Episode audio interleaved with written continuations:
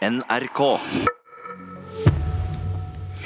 Kulturdepartementet vil tvinge strømmetjenester som Netflix og HBO til å investere i norske filmer og TV-serier. Det vil komme frem av statsbudsjettet.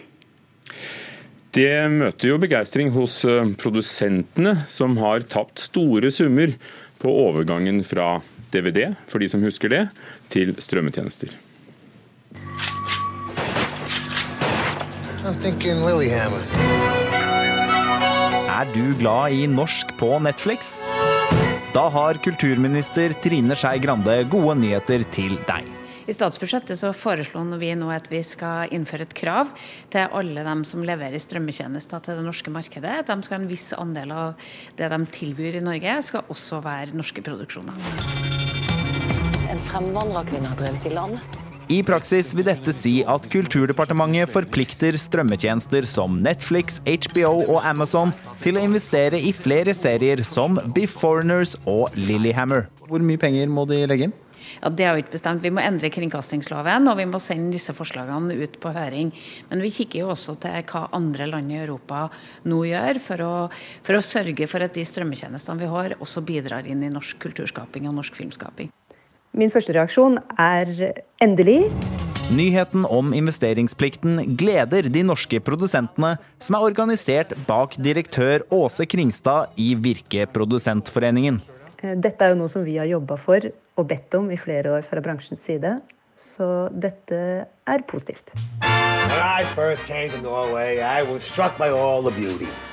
Ja, for det har tatt litt tid, dette her. Norske filmprodusenter har etterlyst penger fra strømmemarkedet i flere år. Årsaken til det er dette.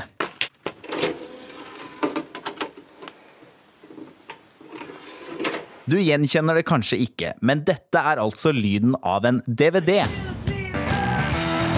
Hver gang en slik selges, går en støtteavgift på 3,5 kroner tilbake til norske distributører og produsenter for at de skal produsere nye ting. Men det er jo en grunn til at du ikke kjente igjen lyden. Mer enn to milliarder kroner av pengene våre har forflyttet seg fra fysiske formater over på strømmemarkedet. Men siden de store strømmeselskapene har sluppet unna avgifter, har norske produsenter gått glipp av flere titalls millioner hvert år. Nå har ikke jeg vært minister i så mange år. Vi har jobba ganske intensivt med å koble oss på mange av de europeiske systemene. Og så hadde vi en, en eh, valgmulighet her med å prøve enten å lage en avgift eller å kreve denne andelen isteden. Og så ser vi at vi tror at det gir mye mer til norsk filmindustri hvis vi krever den andelen. Vil dette være nok for norske produsenter? Det vet vi ikke ennå. Vi vet heller ikke nivået vi skal legge oss på ennå. Danmark, Frankrike og åtte andre europeiske land har tatt lignende tiltak. Og EU har satt et kvotekrav på 30% europeisk innhold hos strømmegigantene. Vi har hatt en møte med Netflix. De har vært positive til dette. Men når strømmetjenestene må betale mer i Norge, må også norske forbrukere gjøre det samme. When I came here, I swore it would be different. Åse Kringstad i Virke er ikke sikker. I form av en investeringsplikt så tror jeg ikke at det nødvendigvis blir så tyngende for noen av disse aktørene. Nå ser vi jo det at både Netflix og HBO og andre posisjonerer seg i det norske markedet med nettopp å satse mer på norsk innhold. Så eh, hvordan det vil slå ut i, overfor forbrukerne til slutt, det kan man jo bare spekulere i. I'm wondering the same fucking thing. Reporter Øystein eh, Tronsli Drabløs. Agnes Moxnes, kulturkommentator her i NRK. Hva betyr det for disse strømmetjenestene å få et sånt pålegg? Det betyr jo først og fremst at flere og flere land nå tar i bruk lovgivningen for å begrense og styre disse mediegigantene, som inntil nå da har kunnet ta med seg gigantiske overskudd ut av landet, forsvunnet, uten noen som helst slags forpliktelse om å reinvestere i land de har erobret. Det, det har skjedd andre steder? Det har skjedd andre steder, absolutt. Dette er blitt diskutert i mange år. fordi det som skjedde var jo at Inntektene til filmbransjen som kom fra avgift på DVD-salg og før det på videokassetter, har falt dramatisk. Men hvorfor har det tatt så veldig lang tid å få på noe nytt? For det er lenge siden folk eh, kjøpte DVD-kassetter, i hvert ja, fall i det store gross. Ja, men det må huske at det er jo ikke mer enn seks-sju år siden strømming ble liksom hverdagen eh, vår. Og jeg tror nok egentlig at politikere og lovgivere nokså eh, raskt så behovet for å regulere dette markedet for å forhindre at strømmegigantene skulle få en totalkontroll på all verdens TV- og filmproduksjon.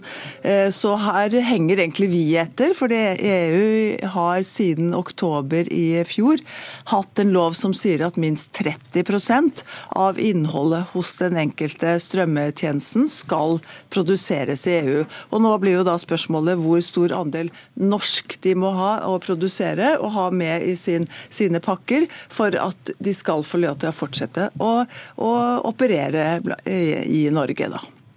Så kommer statsbudsjettet i dag. Vanskelig ikke å ha fått det med seg. Agnes Moxnes har, som mange andre eh, i dag, fulgt med på hva vi vet hittil. og Hva kan du se er regjeringens kulturelle satsing? Ja, altså Kulturpolitikken ligger jo i bunn og grunn eh, fast. Vi har en regjering som har sittet i seks år nå. Så jeg tror nok at Når det gjelder kulturbudsjettet, så er det først fra neste år vi kommer til å se en mye mer dramatisk omlegging av landets eh, kulturpolitikk, basert på Trine Skei Grandes eh, kulturmelding som kom i fjor. Men jeg tror at allerede i år så kommer vi til å se både i retorikken i kulturbudsjettet og i pengefordelingen at eh, mer og mer kulturmakt og kulturpenger i større og større grad skal spres utover til landets fylker og kommuner. Så må jeg få si en, en ting til også.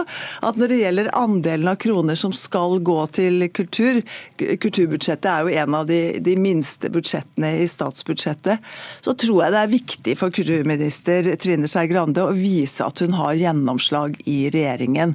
Eh, hun er partileder for et parti som er opptatt av kultur, eh, men også for et parti som har kritisert henne for å velge kulturministerposten. Eh, I fjor klarte hun å øke kulturbudsjettet med 4% over 4% og trolig blir den prosentandelen høyere til neste år. Også når man trekker fra det faktum at NRK-lisensen nå blir borte og blir lagt inn i eh, kulturministerens portefølje fra og med neste år. For Det har vært en av de større omleggingene som har vært diskutert og nå kjent en god stund. Lisensavgiften blir borte og blir erstattet av en ny ordning. Hva, hva, hva får du å si i praksis? Ja, I praksis så vil jeg tro at i dag så sitter folk i Mo i Rana og følger veldig nøye med på hva, som, hva dette kulturbudsjettet har eh, på posten for digitalisering av norsk arv. Nasjonalbiblioteket har fått det som oppdrag, og nå er det da spørsmålet hvor mye penger som følger med eh, på den. Det er iallfall forventet at 70 eller 80 arbeidsplasser skal sikres der. For både lisenskontoret og store deler av Nasjonalbiblioteket ligger nettopp i Mo i Rana. Noe annet du vet og kan fortelle? vi vet at det kommer en satsing på kulturbygg, Operaen i Kristiansund blant dem. Eh, det blir en omlegging av, eller det er en forventet omlegging av mediestøtten, og det kommer det nok ekstra midler i den forbindelse. Så er det store språkutfordringer i Norge. Vi får en ny språklov i løpet av året som kommer, og en ny stortingsmelding om språk. Jeg vil tro at språkinteresserte er opptatt, kommer til å følge nøye med på også den, de budsjettpostene. Språk, opera og politikk, takk. Agnes Moxnes, kulturkommentator. Beivars, det samiske nasjonalteatret og Nationaltheatret har samarbeidet for første gang om en urpremiere, og har kommet frem til et stykke som heter 'Human Zoo' av Katrine Nedrejord. Hun er husdramatiker på Nationaltheatret. Og det handler nettopp om det menneskelige menasjeri, som det heter på norsk. Utstillinger der mennesker i sin tid ble utstilt. Teaterkritiker eh, Karin Frøsland Nystøy, hva handler Human Zoo om? Katrine Nedrejord har skrevet en tekst der vi følger en samisk familie. De blir med en engelsk agent på rundreise i Europa, på, rett og slett da på utstilling. De er kledd i tradisjonelle klær, kofte, pesk, og står der i varmen med, med et reinsdyr på hjul og med, med, ski som de liksom står og går på. Og så, så er vi med dem på denne rundreisa de Og så, og så følger vi òg hvilke tanker de gjør seg om å være på utstilling eh, på denne måten. Det er jo en ganske sånn hårreisende praksis, dette her, å være, være med på en sånn type ting.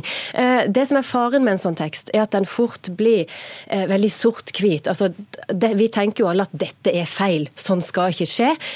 Og hvor er da den dramatiske spenninga i denne teksten? Det var jeg mest av alt spent på. Og det som Katrine Nedrejord gjør godt her, det er at hun hun ser det ikke svart-hvitt. Det er en ganske nyansert tekst. Vi får høre hvordan denne reisa ut i Europa harmonerer med, med utferdstrangen til et folk som er vant til å flytte på seg. Eh, som har lyst til å se verden, og som, som er nysgjerrige. Og det er viktig at hun har med. Oi, noen det er de ierai. Te alt olpmuit. No siellä vara gollut. Nuunan gadvuku sisletje. Letje hui äärtegat. Mun ääntenat olpu pohtet kehtsät siin. Mutta mikä läht hui täävälatjan. Som vi hører, de spiller på samisk. Hva gjør du hvis du ikke forstår samisk og sitter i salen og ser på Human Zoo? Eh, den er tekster. Det er tekst på bakveggen. Og, eh, og språket som snakkes er nordsamisk. Eh, men det tekstes både til norsk og til finsk, der det trengs noen stykker turnere over ja, i Norge og i Sápmi. Hårreisende praksis, sier du, men det er jo sett fra 2020. Det var ikke uvanlig med kongolandsbyer eller utstillinger av skjeggete damer, sterke menn eller kanskje også da samer. Hvordan ser det ut på scenen? Det, er, det, er, faktisk ganske interessant, for eh, regissør Bård Lie Torbjørnsen han er òg scenograf her. Og han har laga en scenografi som er lett å flytte på, akkurat som det måtte være når man skulle reise rundt fra tivoli til tivoli og bli vist fram. Så han har spent opp et stort lerret bakpå, der han har malt vidde og snø og blå himmel. Og så er det en liten provisorisk, eh, et provisorisk lavvoskjelett, eh, et reinsdyr på hjul, en båt, et ildsted. Også denne samiske samiske familien da, i tradisjonelle klær. Så er det òg et bånd, sperrebånd, helt foran på scenen, som skiller scenen fra publikum. De som blir betrakta, fra de som betrakter. Så de står ikke i et bur, men dette båndet er veldig tydelig og viktig òg i denne sammenhengen. Men det som er interessant, er at altså, vi i publikum blir jo de som ser på, ser på denne rariteten, eller hva vi skal kalle det. Eh, men samtidig, i teksten òg, så får vi et blikk tilbake. Den samiske familien er ikke bare der og står og føler seg kua og undertrykt. De ser òg på verden utenfor og gjør sine tanker om den. Så blikket går begge veier, og det syns jeg òg er en, en styrke ved teksten. Er det en god forestilling? Ja, den er god nettopp pga. denne nyansen. da, At det er så nyansert at vi, vi, tenker at, altså vi ser en stolthet hos den samiske familien over å vise fram det de er. Og det var òg gjeldende da dette var praksis på, på ekte. Samtidig som Så det er, jo, det er jo forferdelig ekkelt alt å sitte og se på noen som liksom spiller ut hverdagslivet sitt. Samtidig så forestillingsmessig sett så mangler den litt av den indre spenninga og konflikten som ligger i familien. Det er ikke alle som syns dette er like gøy i teksten. De får ikke det like tydelig fram på scenen. Så det er mye å hente nettopp i å plukke opp og vise fram mer kontraster innad i familien. Bør det samiske nasjonalteatret Beivers eh, fortsette å samarbeide med Nationaltheatret i Oslo, syns du? Ja, det syns jeg, for, for, samisk scenekunst får veldig lite oppmerksomhet på det jevne, i media og overalt. Eh, og når vi har en husdramatiker ved Nationaltheatret som kjenner den samiske kulturen, som bor i Paris, kjenner den europeiske kulturen, kjenner den norske kulturen, så har vi noen som kan skrive fram noe nytt og si noe om urfolksrettigheter i vårt samfunn i dag. Og det er klart at det blir jo mye større oppmerksomhet rundt et sånt samarbeid enn om Beivars bare skulle turnert og vist fram det de gjør i forskjellige byer. Når Nationaltheatret er liksom urpremierestedet, så har det ganske mye å si. Takk skal du ha.